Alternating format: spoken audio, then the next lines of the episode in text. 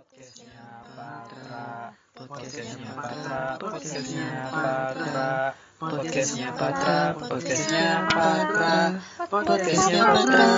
Ini podcast punya Patra.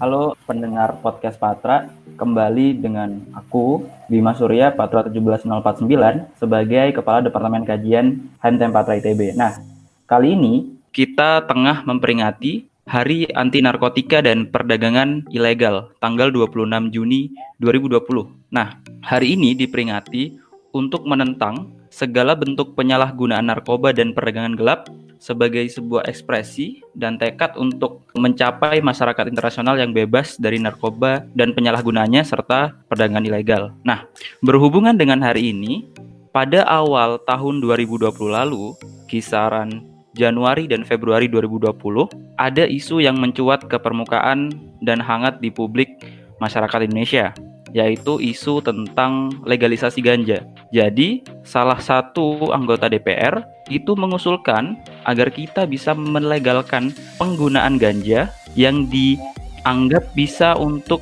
mengobati atau digunakan sebagai bahan pengobatan dan dimanfaatkan untuk kepentingan medis. Nah, mengapa demikian? Karena eh, anggota DPR itu mempunyai dalih bahwa kita punya potensi ganja yang sangat besar. Kita punya riwayat panjang tentang ganja, terutama di daerah Nanggro Aceh Darussalam, di mana di sana dulu sangat banyak pembudidayaan ganja tersebut, tapi pada saat ini ganja tergolong narkotika tingkat satu. Artinya dia tidak boleh digunakan baik untuk terapi maupun digunakan secara umum oleh masyarakat gitu. Jadi artinya dia tidak boleh digunakan dalam hal apa pun kecuali untuk pengembangan ilmu pengetahuan. Tapi pada prakteknya ada beberapa uh, orang yang pernah mencoba untuk meneliti ini dan ternyata memang prosesnya sangat-sangat sulit seperti itu. Nah, untuk membahas lebih lanjut, kami mengundang kawan kami di keluarga mahasiswa Institut Teknologi Bandung dari Himpunan Mahasiswa Farmasi Ars Preparandi ITB. Di sini kami mengundang untuk membicarakan hal terkait legalisasi ganja. Hadir bersama kita Natalia Miralda Sembiring, Sains dan Teknologi Farmasi 2017 sebagai Kepala Divisi Kajian HMF Ars Preparandi ITB dan Ahmad Haikal Indiragiri, Sains dan Teknologi Farmasi Angkatan 2018 sebagai Wakil Kepala Divisi Kajian HMF Ars Preparandi ITB. Halo Natalia dan Haikal. Halo. Oke. Jadi kalian sebagai orang yang punya kompetensi gitu di bidang medis dan uh, kefarmasian gitu. Jadi sebelum kita membahas lebih jauh, aku pengen tahu dari sudut pandang uh, keilmuan sebenarnya ganja itu apa sih? Oke, pengen ngejelasin dulu ya definisi dari ganja ya. Ganja itu merupakan kalau kalian pernah dengar marijuana, bener kan? Ganja itu marijuana yang merupakan daun, bunga, batang, dan benih. Nah, jadi kalau kalian pernah lihat ganja itu kan mungkin kayak lambangnya uh, daunnya doang kan. Sebenarnya nggak itu. Sebenarnya dari daun, bunga, batang dan benihnya itu semuanya dipakai dari tanaman sativa yang dikeringkan. Kalau di bidang farmasi ini disebut simplicia. Nah, itu warnanya hijau keabu-abuan. Orang itu menggunakan ganja biasanya kan untuk rekreasi ya, untuk menenangkan pikiran, untuk mengurangi rasa sakit dan lain-lain.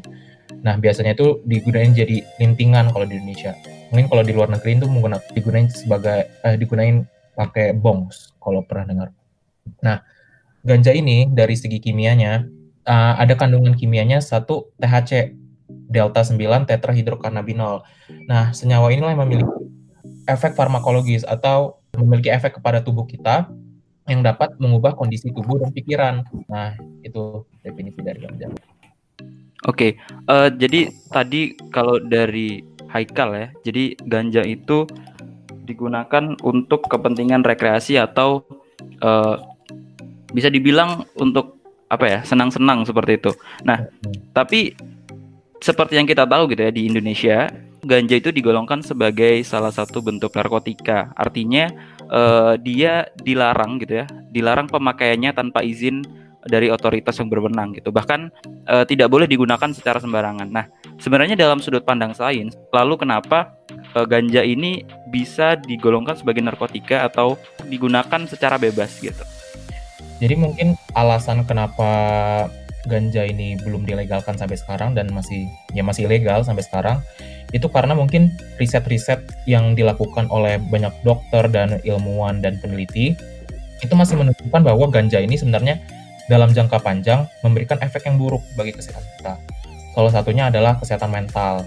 Nah, ganja ini kalau misalkan digunakan dengan dosis yang tidak tepat dan dalam jangka panjang, itu bisa menyebabkan depresi, kegelisahan, dan lain-lain yang mengganggu kognitif kita. Lalu, ganja ini secara apa ya? Dalam penggunaan jangka panjang, kalau misalkan kita gunakan terus-menerus itu bisa bersifat adiktif. Nah, artinya itu tuh bisa menimbulkan juga withdrawal syndrome kalau digunakan jangka panjang. Setelah itu, ganja ini juga punya efek intoksikasi. Intoksikasi itu adalah uh, memberikan apa ya? Kayak kita ngasih racun ke tubuh kita, memberikan efek keracunan pada tubuh kita. Selanjutnya juga sebanyak 20% nih kalau pernah kalau pernah baca kasus kecelakaan bermotor kalau di Amerika itu itu karena penggunaan ganja 12% dari kasus kecelakaan bermotor. Nah, jadinya ini nih nunjukin loh kalau sebenarnya ganja ini benar-benar ada efek ada apa ya? Ada dampak efek yang samping. Iya, ada dampak yang benar-benar substansial bagi penggunanya. Makanya sampai sekarang ganja itu uh, belum bisa digunakan secara uh, secara medis gitu. Oke. Jadi apakah lalu ganja itu bisa dimanfaatkan tetapi dengan dosis-dosis tertentu sehingga mungkin dampak jangka panjang yang akan ditimbulkan artinya dia dimanfaatkan dalam jumlah yang diatur gitu ya dan dalam waktu yang diatur gitu. Kalau misalkan penggunanya seperti itu, apakah lalu uh, bisa menimbulkan uh, sesuatu yang seperti withdrawal syndrome ya sama insoktifikasi yang yang tadi dijabarkan gitu. Jadi misalkan kalau misalkan kita tidak banyak-banyak pakai gitu nah, itu akan terjadi nggak gitu? Nah, sebenarnya kalau memang diregulasi secara ketat dan penggunaannya memang di bawah pengawasan dokter dan benar-benar di, dibeli dari pihak yang berwenang, misalkan udah dari apotek yang benar-benar uh, punya wewenang untuk memberikan ganja, sebenarnya harusnya ganja, kalau dari riset yang aku baca, sebenarnya bisa memberikan efek-efek terapeutik atau efek-efek yang me, apa ya, menyembuhkan gitu. Karena memang sebenarnya ganja ini secara riset bisa mem, apa ya menurunkan rasa cemas, mengurangkan ra, mengurangkan rasa sakit, mengurangi inflamasi, terus apa ya meng, bisa mengurangi rasa mual dan muntah-muntah gitu. Bahkan juga bisa membunuh kanker dalam satu riset. Nah, tapi yang harus digaris ber, uh, yang harus digaris besari adalah memang benar-benar ganja itu memang harus diatur secara ketat banget karena kalau misalkan enggak, yang tadi yang udah aku bilangin benar-benar efeknya itu sangat-sangat seburuk itu gitu. Berarti butuh uh, regulasi dan aturan yang ketat ya mengenai uh, pemakaian itu sehingga bisa diatur tentang dampak uh, negatifnya jadi tidak tidak bisa menimbulkan dampak negatif yang berlebihan nah. gitu. Karena tadi di samping itu dia juga punya manfaat-manfaat lain gitu ya, mungkin bisa bisa didapat tetapi dengan syarat punya regulasi yang kuat dan uh, pengaturan dosis mungkin ya kalau kita bicara tentang obat-obatan gitu ya untuk diberikan kepada orang yang membutuhkan. Oke. Okay. Lalu kalau memang uh, ternyata ganja punya potensi demikian, apakah dalam dunia farmasi ada contoh pemanfaatan atau mungkin teman-teman dari HMF pernah mengetahui gitu adakah obat atau bentuk-bentuk sejenis gitu untuk digunakan secara legal dalam dunia medis gitu? Kalau misalkan pemanfaatan ganja di untuk obat dan sebagainya. Ya, ya. Kalau di Indonesia sendiri melihat penggunaan ganja sebagai medis karena memang benar-benar ganja di Indonesia ini sangat ketat ya peraturannya. Kalau di Amerika kan bahkan uh, banyak negara bagian di Amerika Serikat di luar sana itu melegalkan ganja. Nah, penggunaan ganja di luar negeri ini kalau yang pernah aku baca itu sebagai pengobatan untuk penyakit Alzheimer. Alzheimer itu hilang ingatan. Lalu ganja ini juga bisa digunakan sebagai me mentrit mentrit penyakit anoreksia, anoreksia sama epilepsi itu yang aku baca sih. Nah, jadi udah ada bentuk-bentuk pengobatan penyakit tertentu, ganja digunakan untuk mengobati penyakit tersebut. Uh, tadi ada uh, Alzheimer, anoreksia dan epilepsi gitu. Jadi sebenarnya di di luar Indonesia atau di luar negeri sana itu sudah ada pemanfaatan secara medis ya untuk itu. Tapi di negara kita masih dilarang secara penuh untuk menggunakan itu, apalagi di dunia medis, medis gitu. Oke. Okay. Nah, mungkin aku mau bertanya lebih lanjut gitu. Ada riset yang mengatakan bahwa ganja itu sangat-sangat mahal. Sebenarnya tingkat urgensi penggunaan ganja itu seperti apa sih? Apakah dengan penyakit-penyakit tadi seperti Alzheimer, anoreksia?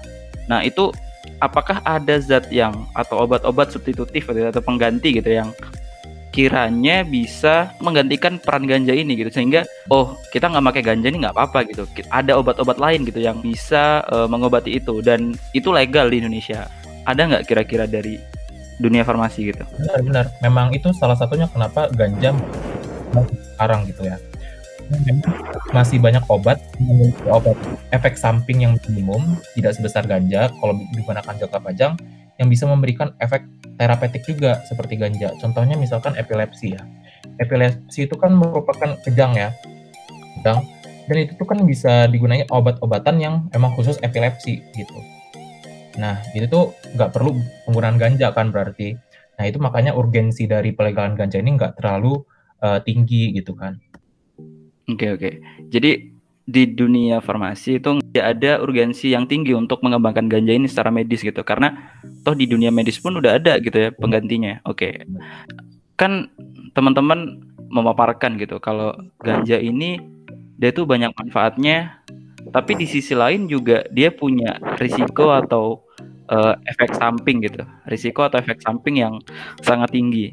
Nah ada nggak langkah-langkah atau tindakan-tindakan yang bisa dilakukan gitu untuk bisa meminimalisir resiko gitu untuk bisa mengurangi uh, mungkin tadi ada efek ketergantungan gitu ya itu gimana caranya untuk bisa mengurangi hal tersebut gitu karena kan pada dasarnya pengobatan itu bisa saja berhenti kan ketika uh, si pasien atau orang yang diobati itu sembuh tapi dengan efek ketergantungan mungkin akan terus membutuhkan hal tersebut secara berulang-ulang gitu Oke. Okay. Mungkin uh, aku mau dari Natalia. Okay. Oh ya. Uh, jadi sebenarnya kalau dibilang langkah-langkah, jadi sebenarnya untuk pemakaiannya kalau disaranin ya ini dari yang beberapa aku baca ada yang mengembangkan dia itu menggunakan ekstraksinya. Oke, jadi ekstraksi ini kalau disederhanakan, jadi kita mengambil sesuatu komponen kimia yang dibutuhkan dari suatu tanaman. Nah, dalam hal ini misalnya kalau kita memakai ya kita misalnya mau memakai eh, mengambil misalnya THC-nya atau komponen kimia lainnya yang dimiliki ganja seperti kanabinoidnya seperti itu. Kenapa ini lebih aman juga? Karena gini eh, tanaman-tanaman seperti ganja itu dia itu sifatnya lebih kompleks. Jadi obat-obat yang dari tanaman itu biasanya sifatnya itu lebih kompleks karena kandungan misalnya dalam satu ganja itu kandungannya itu bisa banyak banget dan efeknya bisa uh, bisa mengefek satu sama lain. Jadi misalnya ganja mungkin bisa mengandung seratusan uh, senyawa, tapi misalnya kita butuh satu doang untuk beraktivitas. Jadi kalau misalnya yang lain mempengaruhi aktivitas si senyawa yang kita inginkan ini, itu yang bisa menambah bahaya dari obat itu. Jadi disarankan untuk penggunaannya itu uh, ekstra produk-produk ekstraknya seperti itu. Dan juga pemanfaatan yang baik juga yang disarankan adalah tidak boleh menggunakannya sebagai rokok. Jadi e, beberapa riset juga yang pernah aku baca e, pemakaian ganja ini kan orang-orang makainya salah satunya e, dijadiin rokok gitu kan. Padahal kalau dipakai seperti itu pemakaiannya aja pemakaian yang salah akan menyebabkan tidak akan menyebabkan adanya efek e, terapeutik yang diinginkan kalau misalnya obat seperti itu. Jadi kalau pemakaiannya salah, ya efeknya juga ya salah. Makanya uh, pemakaian misalnya seperti ngero uh, dipakai rokok itu juga nggak boleh bahkan menimbulkan efek yang tidak diinginkan seperti kompleksitas uh, penyakit sistem sistem pernafasan semacamnya. Terus juga kalaupun memang benar-benar ingin memanfaatkan si tanaman ini, berarti kita harus uh, benar-benar kerjasama antara Kementerian Kesehatan terutama industri yang terkait jika misalnya ingin dipakai dan ter, dan juga terkait pihak hukum. Karena itu tadi kita harus kembali ke regulasi uh, peredaran serta uh, penyebarannya ke masyarakat. Seperti itu. Nah, sebenarnya aku be- kalau boleh explore lebih lanjut gitu, secara secara umum gitu, apakah dunia medis gitu atau dunia kefarmasian Indonesia atau mungkin di luar itu ya budaya negara kita sendiri gitu apa negara Indonesia itu siap gitu untuk mengembangkan hal ini apabila ternyata bisa dibuktikan ganja itu punya manfaat-manfaat positif gitu. Apakah Indonesia siap gitu secara baik mungkin secara budaya, secara sistem atau mungkin secara teknologi juga bis, uh, apakah Indonesia siap gitu? Oke, okay, uh, kalau uh, pandangan narasumber ya saya sebagai narasumber hmm. sebenarnya belum. Kenapa?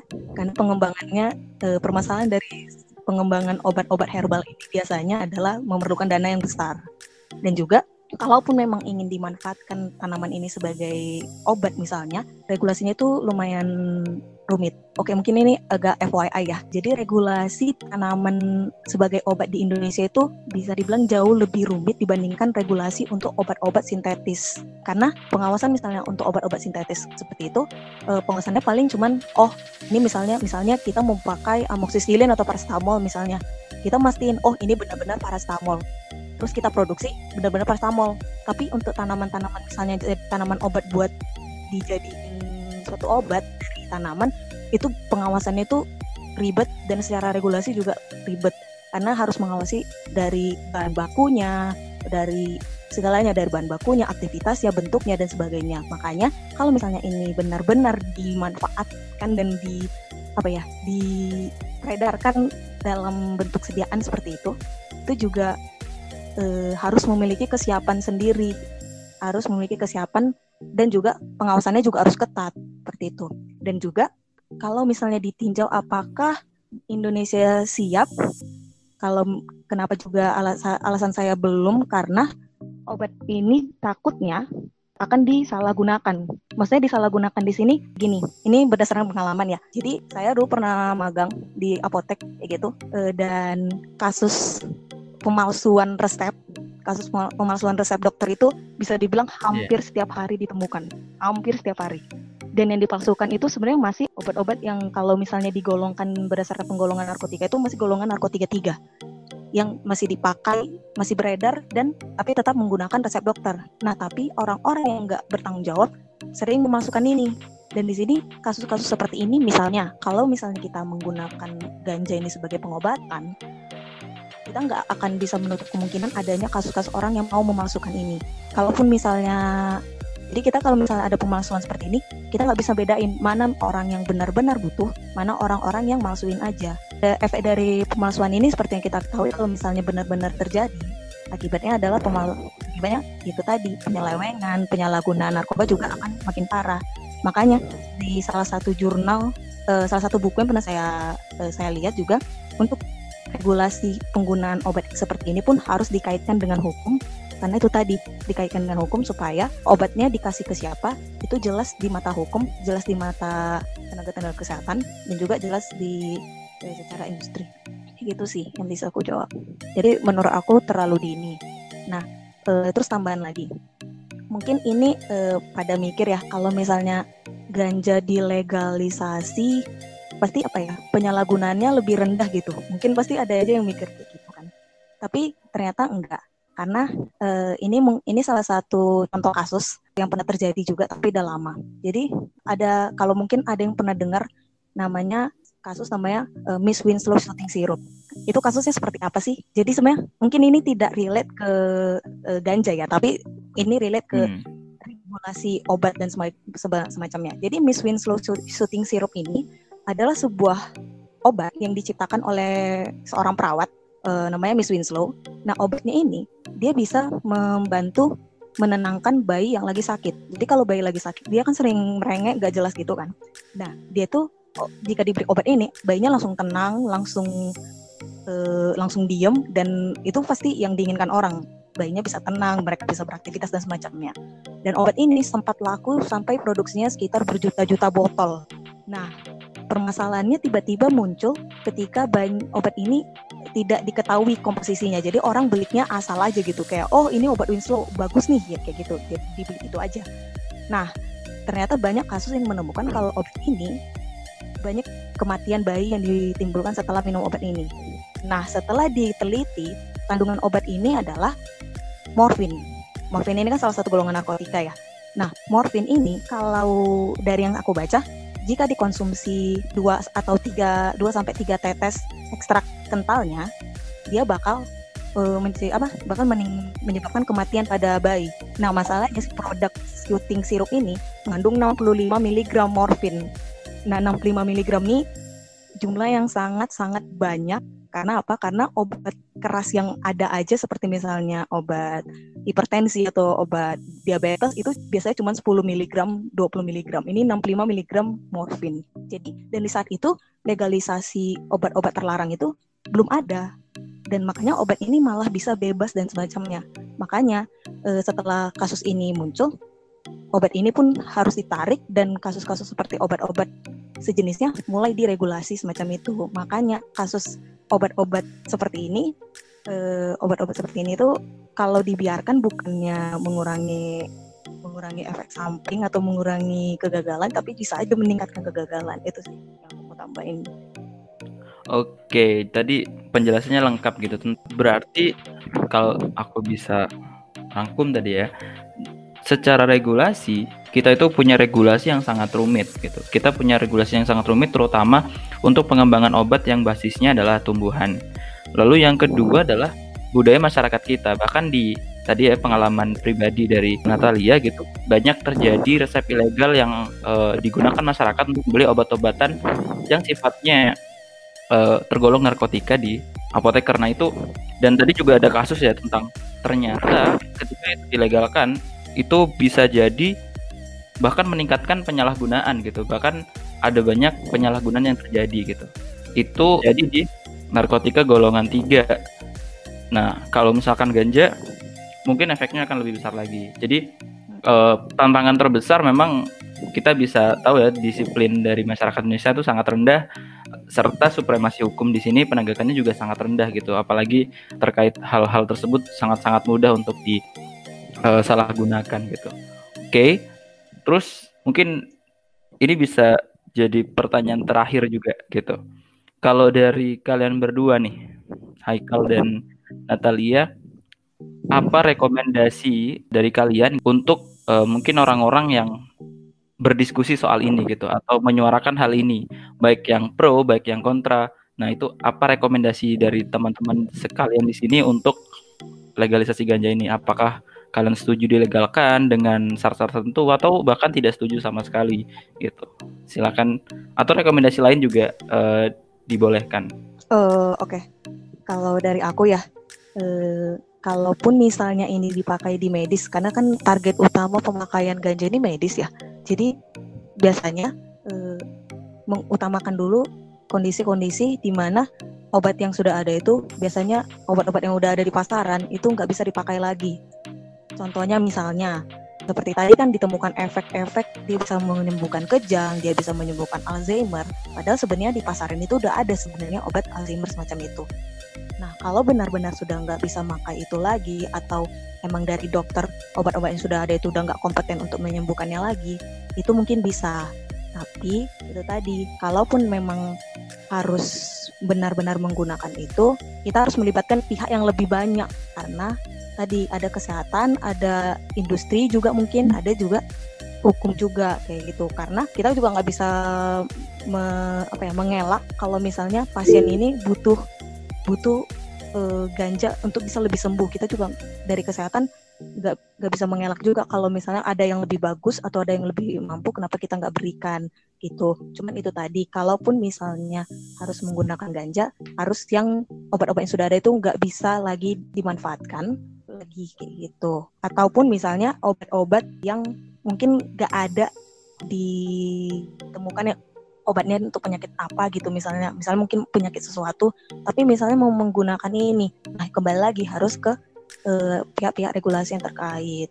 Dan juga karena ini tanaman tanaman kompleks jadi kita nggak bisa melerai adanya efek samping yang ada. Even though mungkin tanam obat dari tanaman kita nggak bisa meniadakan efek samping karena tetap aja itu obat. Jadi kita harus juga menekankan ke masyarakat yang mungkin menganggap oh ganja tuh obat dari segala penyakit. Enggak juga kayak gitu.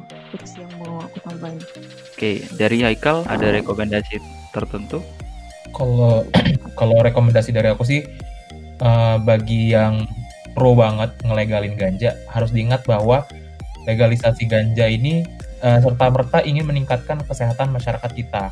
Kalau tujuannya memang pengen itu, dan tujuannya emang harus itu, jangan sampai uh, yang melegalkan, yang pengen melegalkan ganja itu sebagai dalih aja menggunakan dalih kayak ya kita ini pengen masyarakat kita sehat dan lain-lain. Tetapi sebenarnya tujuan di balik di balik itu pengen rekreasi menggunakan ganja. Pengen dijadiin lintingan terus uh, dijadiin apa ya jadiin rokok the new, rokok gitu. Padahal sebenarnya sama ganja ini kan beda jauh ya. Kayak ketika lo me, ketika lo menggunakan rokok ya memang ada efek buruk cuman gak seburuk ganja dan gak sebu dan gak efeknya nggak sangat jauh sangat jauh dengan ganja gitu kan itu aja sih yang legalin yang pro oh sama mau nambahin ya? Uh, jadi kalau istilah farmasi okay. itu uh, mau nambahin? Oke. Okay. uh, jadi kalau yeah, di yeah, farmasi itu uh, obat tuh obat dan racun itu sebenarnya sama tapi yang membedakannya cuma dosisnya. Nah kayak kayak aku bilang tadi kalaupun misalnya benar-benar pengen dipakai ini atau semacamnya harus benar-benar tidaknya harus sudah ada di penelitian penelitian atau saranan dari dokter kita tuh makainya sebagaimana karena karena kalau makainya berlebihan juga itu tadi bisa aja jadi racun yang ujung-ujungnya bukannya sembuh malah efek samping yang kayak udah disebutkan Haikal tadi. Bagus ya jadi jangan sampai orang-orang yang menginginkan eh, pelegalan ganja ini bermaksud di luar dari meningkatkan kualitas uh, kesehatan masyarakat kita gitu. Dan kalau sebisa mungkin tadi ya nanti Natalia itu jadikan prioritas terakhir gitu ya, prioritas terakhir untuk pengobatan karena tadi juga kita dengar ada beberapa obat yang substitutif gitu ya atau bisa menggantikan peran dari ganja ini untuk mengobati penyakit-penyakit yang ditengarai bisa diobati dengan uh, ganja gitu. Mungkin terakhir banget, last banget nih. Uh, closing statement gitu dari Haikal dan dari Natalia gitu untuk uh, kita semua di sini tentang ini gitu. Kayaknya sam hampir sama deh yang kayak tadi maksudnya jangan sampai apa? Jangan sampai terlalu melonjak maksudnya terlalu ide banget legalisasi hmm. legalisasi ganja tuh cuman kar dalihnya aja yang kesehatan padahal sebenarnya biar uh, legal legal melakukan kejahatan gitu sih dan juga iya dan juga walaupun uh, closing dan mungkin ini aku bilang tadi ya semua tanaman semua obat tuh kalau dipakai dosisnya tepat bisa nyembuhin. Tapi kalau enggak ya jadi racun gitu. Jadi kalaupun misalnya benar-benar pengen di uh, di benar-benar emang bi pingin dilegalin banget ya harus ingat dosisnya gimana. Dan jangan lupa melibatkan peran-peran saintis dan ahli-ahli kesehatan untuk legalisasi kayak gini. Karena gimana pun ceritanya ini kan aturan kesehatan kalau sempat nggak melibatkan eh, orang-orang kesehatan ya apa gunanya gitu loh itu sih hmm. oke okay. jangan gunakan uh, uh, hal ini untuk justifikasi gitu ya justifikasi penggunaan ganja istilahnya penyalahgunaan ya, ya. tidak benar gitu dari Haikal ada tambahan? Sama kayak Kak Nacal tadi. Oke. Um, Oke, kalau begitu aku ucapin terima kasih buat kalian berdua. Terima kasih untuk Natalia dan uh, Oke, okay, aku udah mau ngucapin satu. Ini titipan sih. Oh. Oke, uh, oke, okay, okay. boleh, boleh.